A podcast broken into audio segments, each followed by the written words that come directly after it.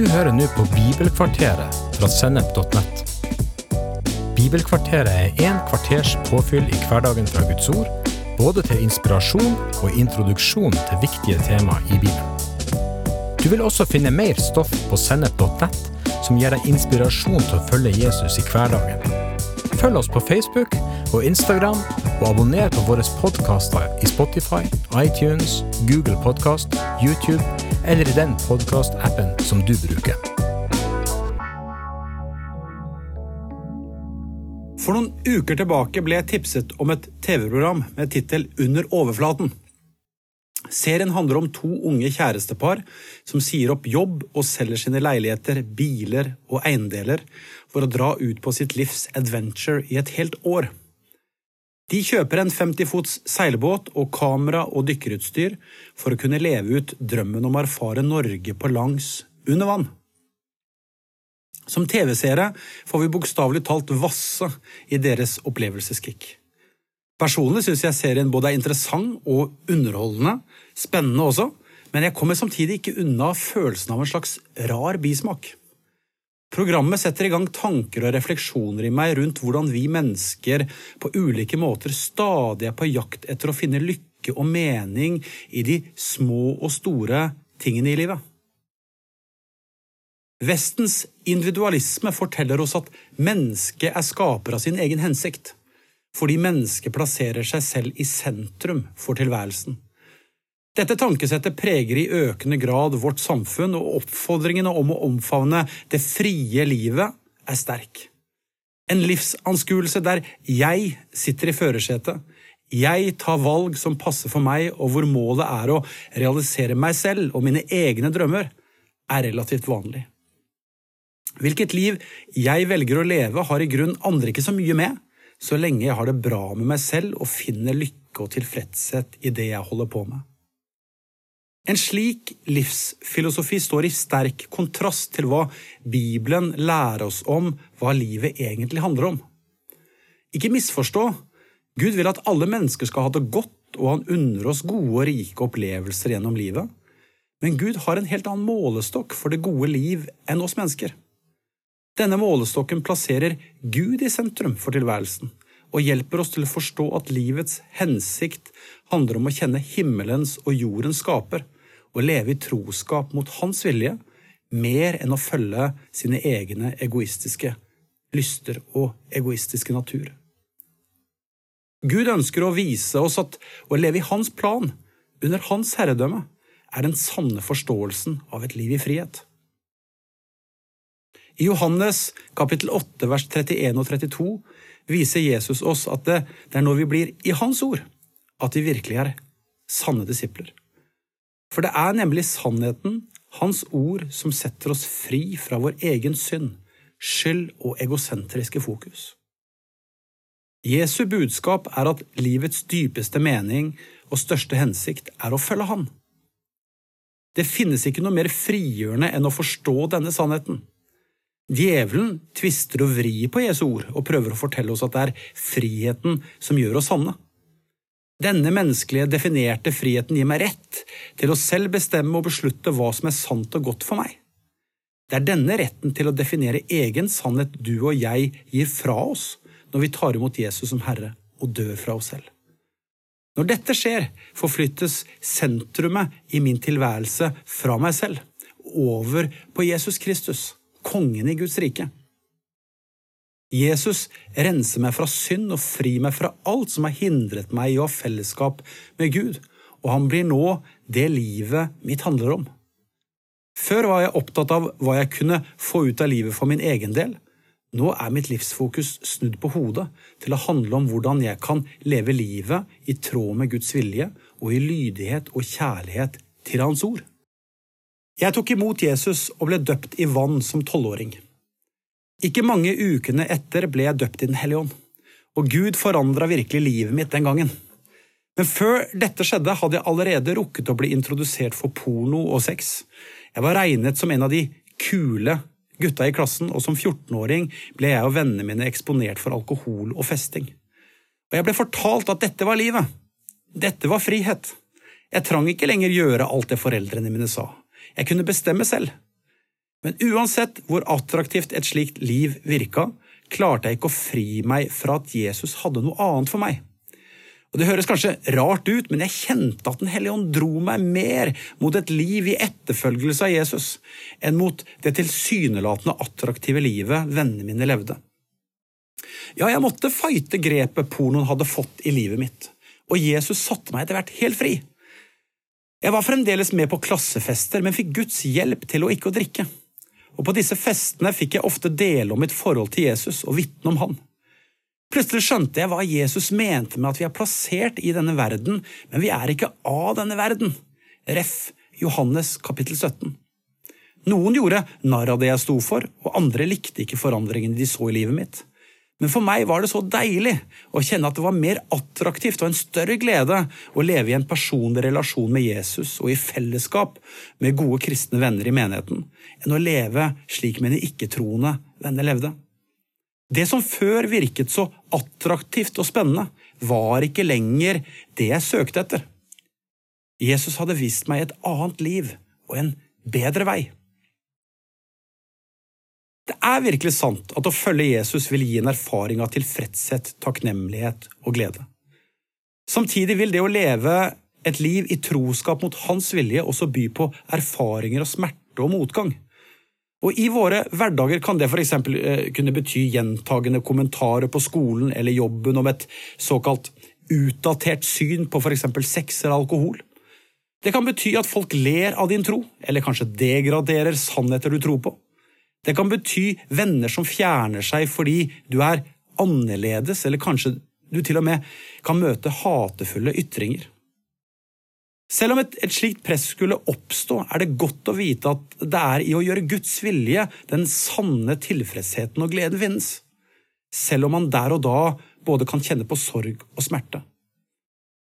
I Apostelens gjerninger kapittel 5 vers 41 leser vi om hvordan Jesu disipler gledet seg over at de var funnet verdige til å bli vanæret for Jesus skyld. Den sterke overbevisningen om at Jesus var Messias, kombinert med det erfarte livet i Den hellige ånd og kraft, skapte en tro og en glede over, over å gjøre Jesu vilje som overvant den menneskelige smerten de måtte tåle. Gud hadde virkelig fått forandret dem.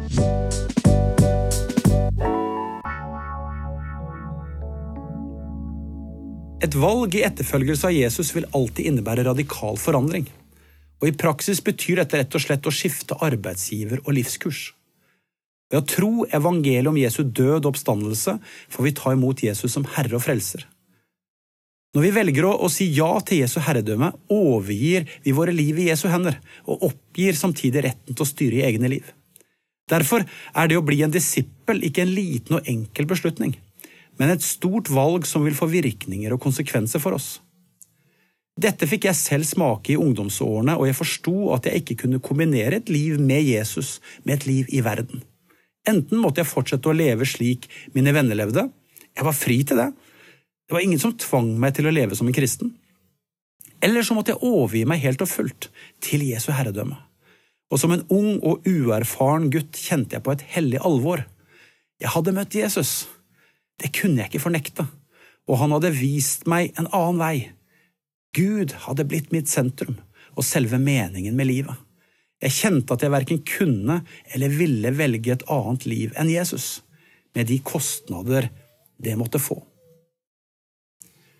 I Galaterbrevet kapittel 2, 19 og 20 sier Paulus, Jeg er korsfestet med Kristus. Jeg lever ikke lenger selv, men Kristus lever i meg. Det liv jeg nå lever her på jorden, det lever jeg i troen på Guds sønn, som elsket meg og ga seg selv for meg. På samme måte som Jesus døde, døde du og jeg med Kristus. Korset bringer vårt selvliv og vår selvbestemmelse til en ende, så vi kan få leve som nye skapninger hvor Jesus får leve sitt liv gjennom oss. Når vi får erfare Jesus på denne måten, blir ikke lenger fokuset hva jeg vil, men på hva han vil. Perspektivet endres fra å være opptatt av å leve mitt eget selvfokuserte liv, til å være opptatt av hvilket liv Jesus vil jeg skal leve. David er et eksempel i Bibelen på en helhjertet ung mann som Gud holdt sin hånd over. Han ble konge over hele Israel, og andre Samuels bok, kapittel 7 vers 1, forteller oss at Gud hadde gitt ham fred for alle fiendene rundt seg. Det var aldri større fred i og utenfor Israel som da David hersket som konge. Det er vel ingen tvil om at i menneskelige øyne hadde David lyktes. Han hadde gått fra å være en ung og fattig gjetergutt til å bli den største og mektigste kongen som noen gang regjerte i Israels historie. Det må vi vel kunne kalle drømmen som ble virkelighet. Men hvorfor ble det egentlig slik? Det er interessant at det aller første og aller siste vi får høre om David i Bibelen, er at han blir kalt en mann etter Guds hjerte. Større ærestittel skal du lete lenge etter.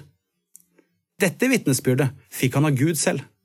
Jeg har funnet David, Isais sønn, en mann etter mitt hjerte, en mann som skal utføre alt det jeg vil.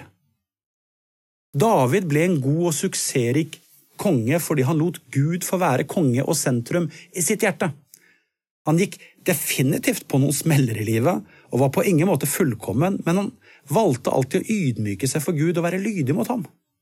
Ydmykhet og lydighet mot Guds ord og vilje var grunnen til at Gud kunne betro David kongsmakten, og frukten ble rikelig velsignelse og fred på alle kanter. David var en sann Guds etterfølger som dypest sett lot Gud få være konge i Israel. Følg meg! To kraftfulle ord fra Jesus i Matteus kapittel 4, vers 19 og 20. To ord som poengterer en tydelig retning. På samme måte som vi ikke kan tjene to herrer, kan vi heller ikke følge to veier. Vi må velge. Enten å følge Jesus eller å gå vår egen vei. Jesus' spørsmål til oss er om du og jeg er villige til å legge våre egne liv ned og skifte livskurs for å følge ham. Det neste han sier er så vil jeg gjøre dere til. Jesus elsker oss for høyt til å la oss forbli som vi er. Han vil forandre oss. Og det er først når vi gir Jesus plassen på tronen i våre hjerter, at vi gir ham tillatelse til å forme og danne våre liv slik han vil. Paulus skriver i Romerbrevet kapittel 8 vers 29 at dem som han på forhånd har vedkjent seg, har han også på forhånd bestemt til å bli formet etter sin egen sønns bilde. Gud vil ved Den hellige ånds hjelp forme og danne deg til å bli mer lik Jesus, dag for dag. Å være villig til å være i denne kontinuerlige prosessen er å være en sann etterfølger.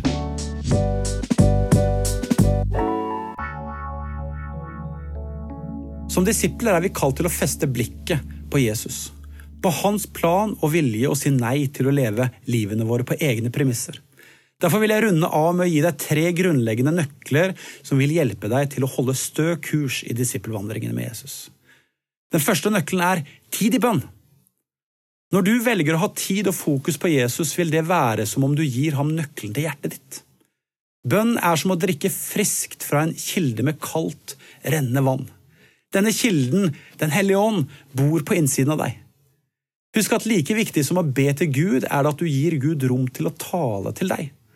Når du velger å sette av tid til Jesus, så slipper du Den hellige ånd til i livet ditt, slik at han også får ransake og prøve ditt hjerte. Og det er med på å skape gudsfrykt i ditt indre. Den hellige ånd vil minne deg om ting, og i, eh, og i kjærlighet sette fingeren på ting i vandringa di som du vil få Guds nåde til å ta et oppgjør med eller vende om fra. Og I Salmene kapittel 139 vers 1-3 ber David Herre, du ransaker meg og kjenner meg. Om jeg sitter eller står, så vet du det.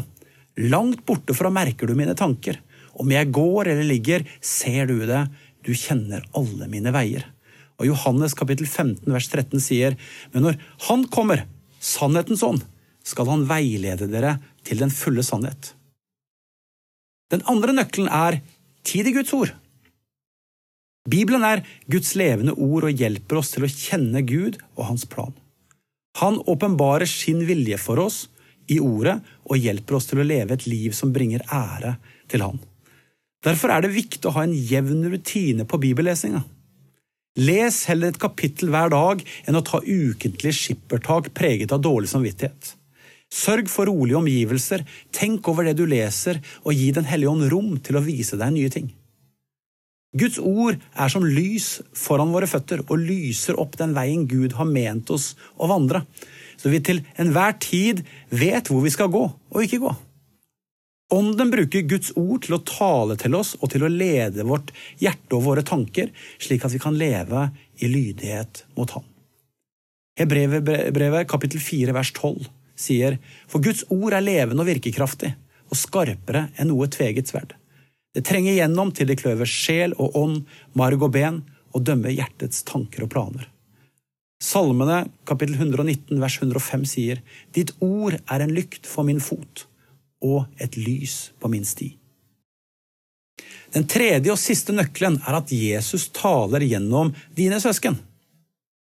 I Bibelen blir menigheten sammenligna med en kropp, og hver enkelt av oss er vi kroppsdeler som er ment til å fungere sammen.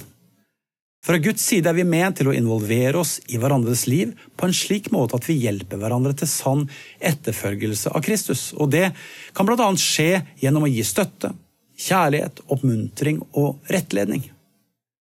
Å leve menighet handler om så mye mer enn bare å gå på gudstjenester eller å ta del i kristne aktiviteter. Menighet handler om å være en del av en familie, og ha kristne brødre og søstre som bryr seg, som kjenner deg, og som også tør å veilede og rettlede deg i kjærlighet når det trengs. Fordi Jesus er herre for sin menighet, er vi alle i samme båt. Og vi trenger alle hjelp, Guds hjelp, til å vokse opp mot Han som er hodet. Og Da er det viktig å se at hjelpen Jesus gir, ofte kommer gjennom lemmene på Jesu kropp. Som søsken er vi rett og slett Jesu talerør inn i hverandres liv. Og vit at dine søsken rundt deg er mer enn bare venner på et menneskelig plan. De er Guds gave til deg, så du ved deres involvering kan ta imot den kjærlighet og veiledning de gir for å bringe deg nærmere Kristus. 1. Korinterbrev 12, vers 12 og 13 sier, like som legeme er ett, selv om det har mange lemmer, og alle lemmene danner ett legeme enda de er mange. Slik er det også med Kristus. For med én ånd ble vi alle døpt til å være et legeme, enten vi er jøder eller grekere, slaver eller frie, og vi fikk alle en ånd å drikke. Romerbrevet 12,5. På samme måte er vi alle ett legeme i Kristus, men hver for oss er vi hverandres lemmer. La Jesus få være ditt sentrum. Vær velsigna.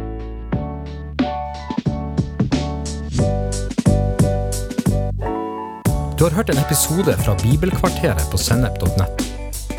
Du vil også finne mer stoff på sennep.nett som gir deg inspirasjon til å følge Jesus i hverdagen.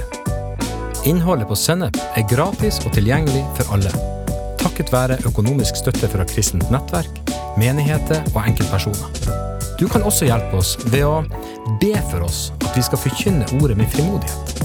Ved å dele innholdet vårt med venner og bekjente ved å rate podkastene våre på iTunes eller i podkastappen som du bruker. Eller ved å gi en engangsgave på VIPS, VIPS nummer 54 66 68. Takk for at du lytter til sennep.nett.